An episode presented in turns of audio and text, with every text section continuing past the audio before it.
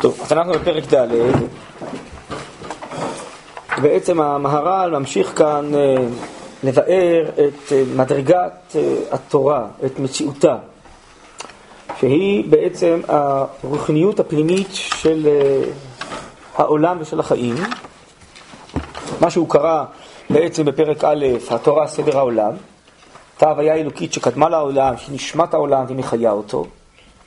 ומה שהוא מנסה לבאר לנו בעצם בפרקים האלו מזוויות שונות, שלימוד התורה מפגיש אותנו עם המעלה הזאת, עם המציאות הזאת.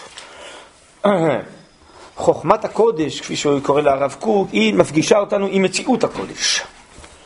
כי היא לא חוכמה גרידא של ידע כמו חוכמות חול, אלא היא מגע בין החיים האנושיים שלנו ובין השכל שלנו לבין אה, אותו שפע של חיים אלוקיים.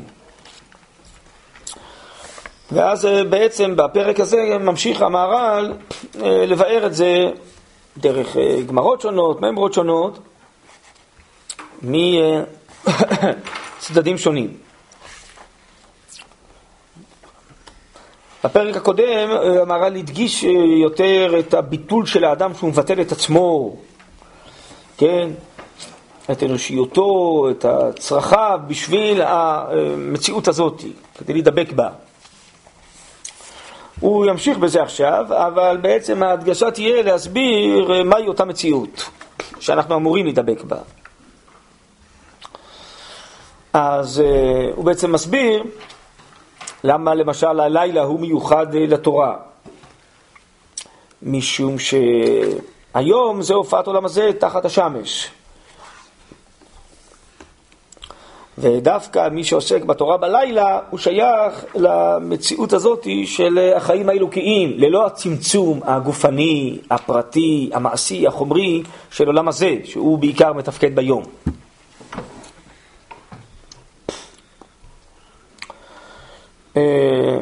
לאחר מכן הוא אה,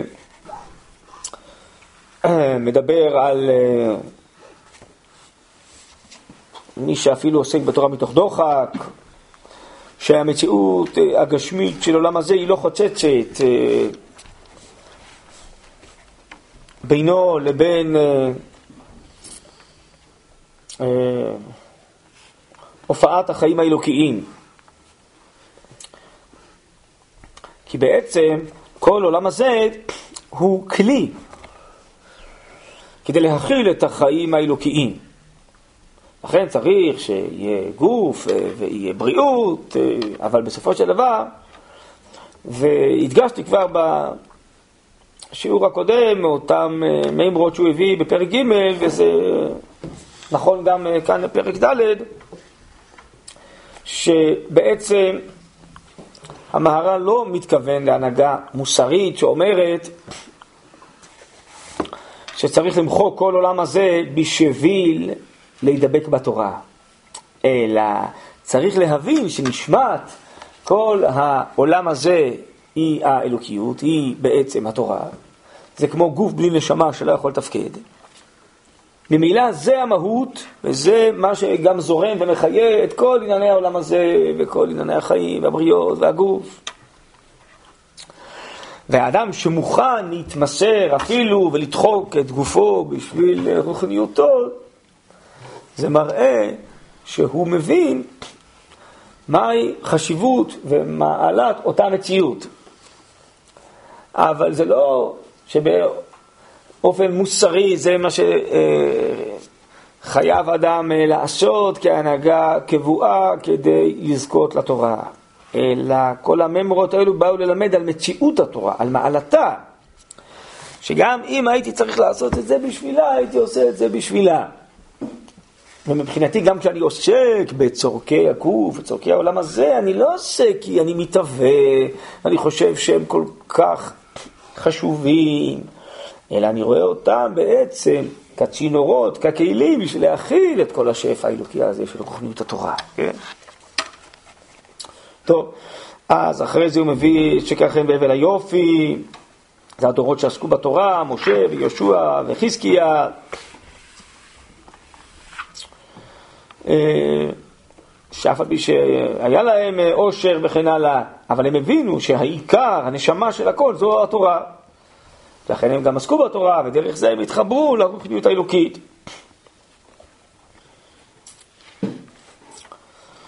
אה, אחרי זה עניין הבכי האלוקי. בכי זה עניינו כמו שיש לאדם איזה צער והוא בוכה שמשהו אה, היה ראוי להופיע ולא מופיע או התקלקל, נכון? אז הבכי כלפי מעלה זה אומר שהאלוקיות, השכינה, לא מופיעים בעולם כראוי. אז אה, מי שלא עוסק בתורה, פרנס, שלא מנהיג את הציבור שצריך, כן? מה הקשר לפרנס? לא, לא אה, המהר"ל מסביר, לא? שכל ההנהגה, כל הנהגה אדם מקבל מהשם. ככה הגמרא אומרת, גם ריש גירגותא, אה, מנהיג את חפירת בורות המים, זה גם מהשם.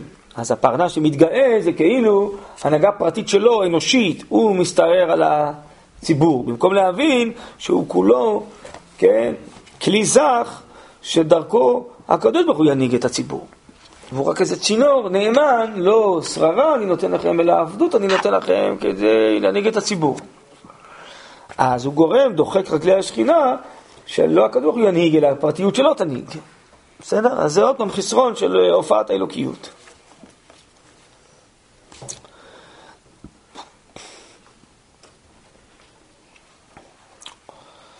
אז כל המושג של בכי, אומר המהר"ל, זה היעדר. היעדר זה תמיד חוסר אה, הופעת המציאות, הופעת החיים, הופעת האלוקיות, הופעת הנשמה הפנימית, כן? הוויה זה הופעת האלוקיות, וההיעדר זה חוסר הופעת החיים. אחרי זה לומד תורה לפרקים, אז אה, הגמרא אומרת ביבמות, ראה חיים האישה אשר אהבת, זה או תורה או אישה.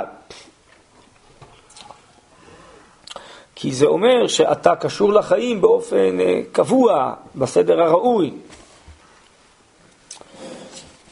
ומי שלא לומד תורה בקביעות, אלא אה, שמתחשק לו, אה, זה כאילו הכל איזה עניין אישי, פרטי שלו, ולא שהוא נדבק בעצמיות של התורה, כן, ומתקלל בתורה. כאילו התורה היא משרתת אותו ואת אהבותיו ורגשותיו, כשזה נחמד לו, כשזה נצרך לו, כן? אבל זה צריך להיות בדיוק הפוך, שאנחנו נתרומם, להבין שהתורה היא עצמיות חיינו וכל כוחות חיינו זה מהתורה, ואנחנו מתקללים בה, זה ההתמדה והעיסוק בתורה באופן קבוע. זה השלמת האדם, זה העלאת האדם, שהוא חסר ללא שהוא נפתח למקור החיים של התורה. ואחרי זה הגמרא הזאת של יומא, אה, שאין לאדם תירוץ למה הוא לא עוסק בתורה, אם הוא עני כהלל, ואם הוא היה יותר אה, עשיר מהעשירים שעסקו בתורה. שעוד פעם זה בא לחשוף בפנ... בפנינו שהתורה היא נשמת הכל, זה כאילו אדם אומר, תשמעו, לא היה לי זמן לנשום. יש ביטוי כזה, לא אדם שהוא עסוק, לא, היה לו זמן לנשום. כן, אז זה כנראה שזה לא עצמי לך, התורה וחיי התורה. אי אפשר להידבק בזה בלי לימוד התורה. אז זה אומר שזה איזה מין אה, תוספות כאלה, כן, פרפראות בסוף הסעודה, זה לא עיקר המזון שלך בחיים הרוחניים. אז אה, יש דברים יותר חשובים, אז לא הספקתי.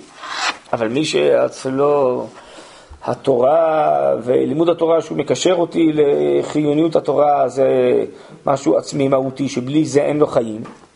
כמו ששמה שהדגים אמרו לשועל שאם הם יעלו ליבשה לא יהיה להם חיים ככה הסביר רבי עקיבא לפפוס שבלי לימוד התורה לא יהיה לנו חיים. אז זה לא דבר ארעי כמו הגמרא של הגמרא בסנהדרין, זה לא משהו שיכול להגיד בגלל כל מיני סיבות לא למדתי תורה זה כמו אני אומר, בגלל כל מיני סיבות לא היה לי מה לאכול, אז לא אכלתי שנה, דילגתי על שנה. נו, מה? אז אתה בסוף חייב למצוא משהו לאכול, נכון? אחרת תמות. יש גם מיטה רוחנית. זה בעצם מה שבאו לציין פה, נכון?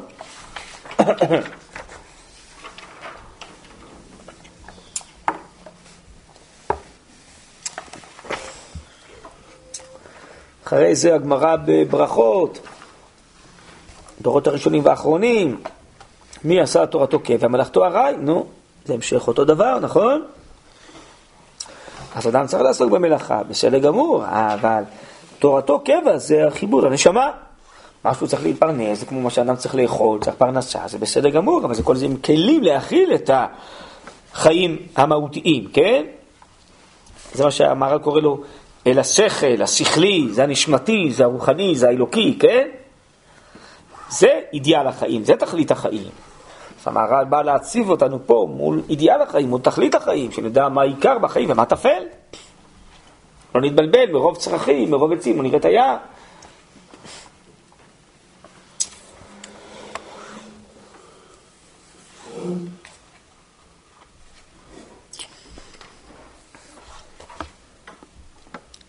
אחרי זה מילא הממרה, שתלמיד חכם, רואה טרפה לעצמו, כי אפילו שהוא מפסיד מכל מיני דברים, אבל האמת, השכלית, האלוקית, זה נשמת הכל. זה עומד במרכז חייו, זה יותר חשוב לכל ההפסדים הממוניים, או הגשמיים, או הפרטיים שיש לו. הוא כל כך מי שדבק באמת, בשכליות הרוחנית האלוקית, אז זה מה שעומד מול עיניו, אז הוא יכול גם כן לפעמים להטריף אה, אה, בהמה לעצמו, כי זה יותר חשוב לו מהרווח או מההפסד שיהיה לו, כן?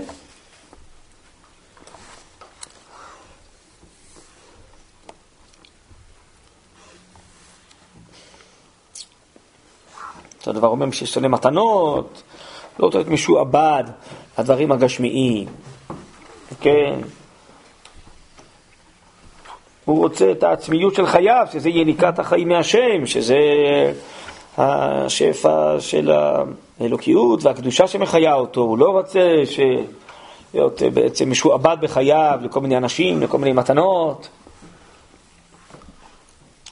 כן? זה החירות הפנימית של עמידה על הטבע האלוקי שבי, על העיקר, בלי כל התוספות האלה.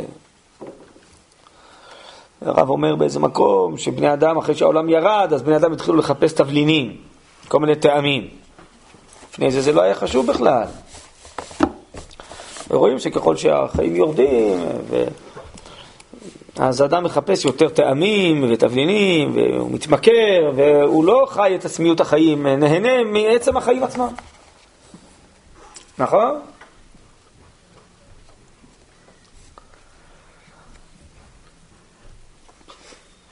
תינוק שהוא עדיין טבעי, אז הוא מאוד נהנה מקבל מאכלים, נכון?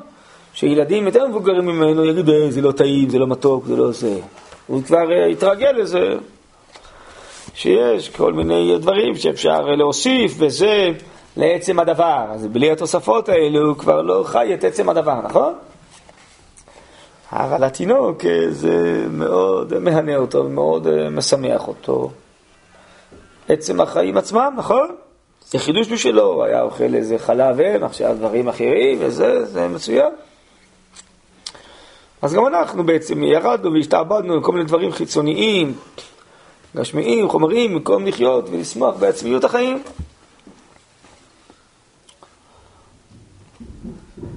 כן, הכי בריא והכי טוב זה לחם ומים, כן, מה שהמהר"ל מסביר על למה אה, מצות זה קמח אה, ומים, שזה העצמיות אה, של החיים, בלי כל התוספות האנושיות וכל המותרות האלה, כן, זה עצמיות החיים.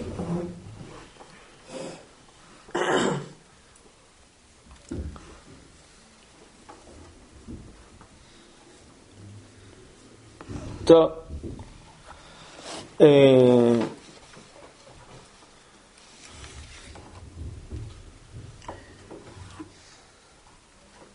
אה,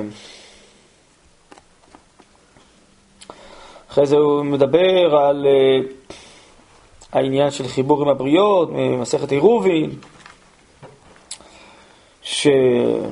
אדם צריך להיות אותו מורד בין הבריות, אבל אה, זה עלול להיות גם השתעבדות, שאני רוצה למצוא חן בעיני הבריות, זה רק אה, לומר אה, מה שמובן לבריות, ולא לעמוד על האמת ולהילחם עליה, נכון? אז זה מה שהוא אומר, שהוא יהיה מעורב בבריות, אבל לא יהיו הבריות מעורבות עמו.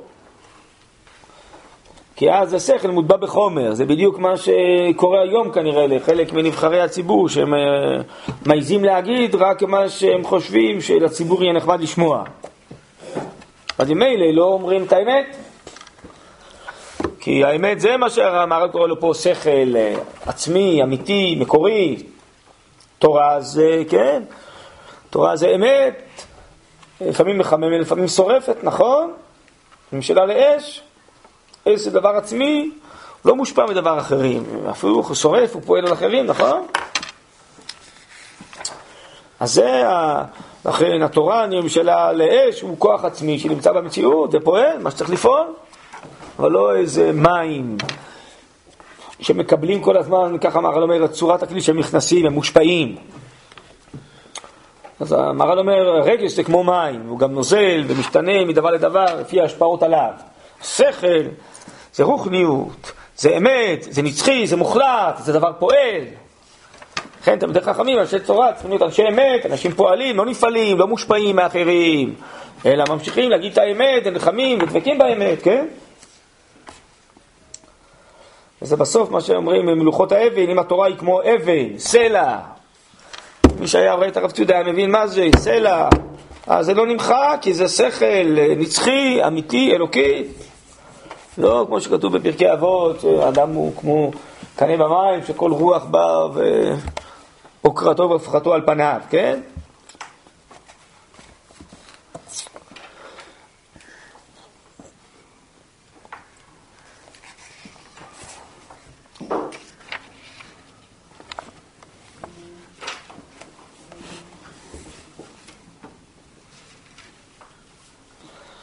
ואחרי זה מדובר על חיוניות התורה בעירובין, שיהיו בבטניך ועל שפתיך, ואדם יודע לענות, מה הוא חי, את כל התורה, זה לא איזה, רק איזה עניין טכני, לימודי, אפילו לא ידע, אלא זה כל חיוניותו זורמת מנשמתו לשכלו, לנפשו, לגופו, וכל עצמותיו מאש של התורה הזאת, של השכליות הרוחנית הזאת.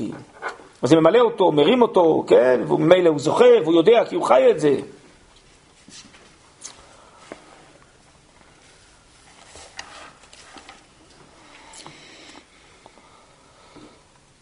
אה, וזה מה שהוא מסיים, אה, שאדם צריך לחיות את התורה, ממילא לזכור אותה, שזה חייו, חייך ואורך ימיך, מתוך המחשבה והדיבור מתפשט לכל גופו. אז מי שזה ממלא אותו, אז בסוף הוא גם אה, מדבר על זה, מוציא את זה מן הפה, מן הכוח אל הפועל, כי זה חיותו הפנימית. אז עניין התורה זה לחיות אותה, להתמלא ממנה, ולא רק אה, שזה יהיה איזה חומר, איזה ידע חיצוני לנו. טוב, נראה לי שבזה פחות או יותר עברנו פה על האמרות המרכזיות אה, בפרק הזה.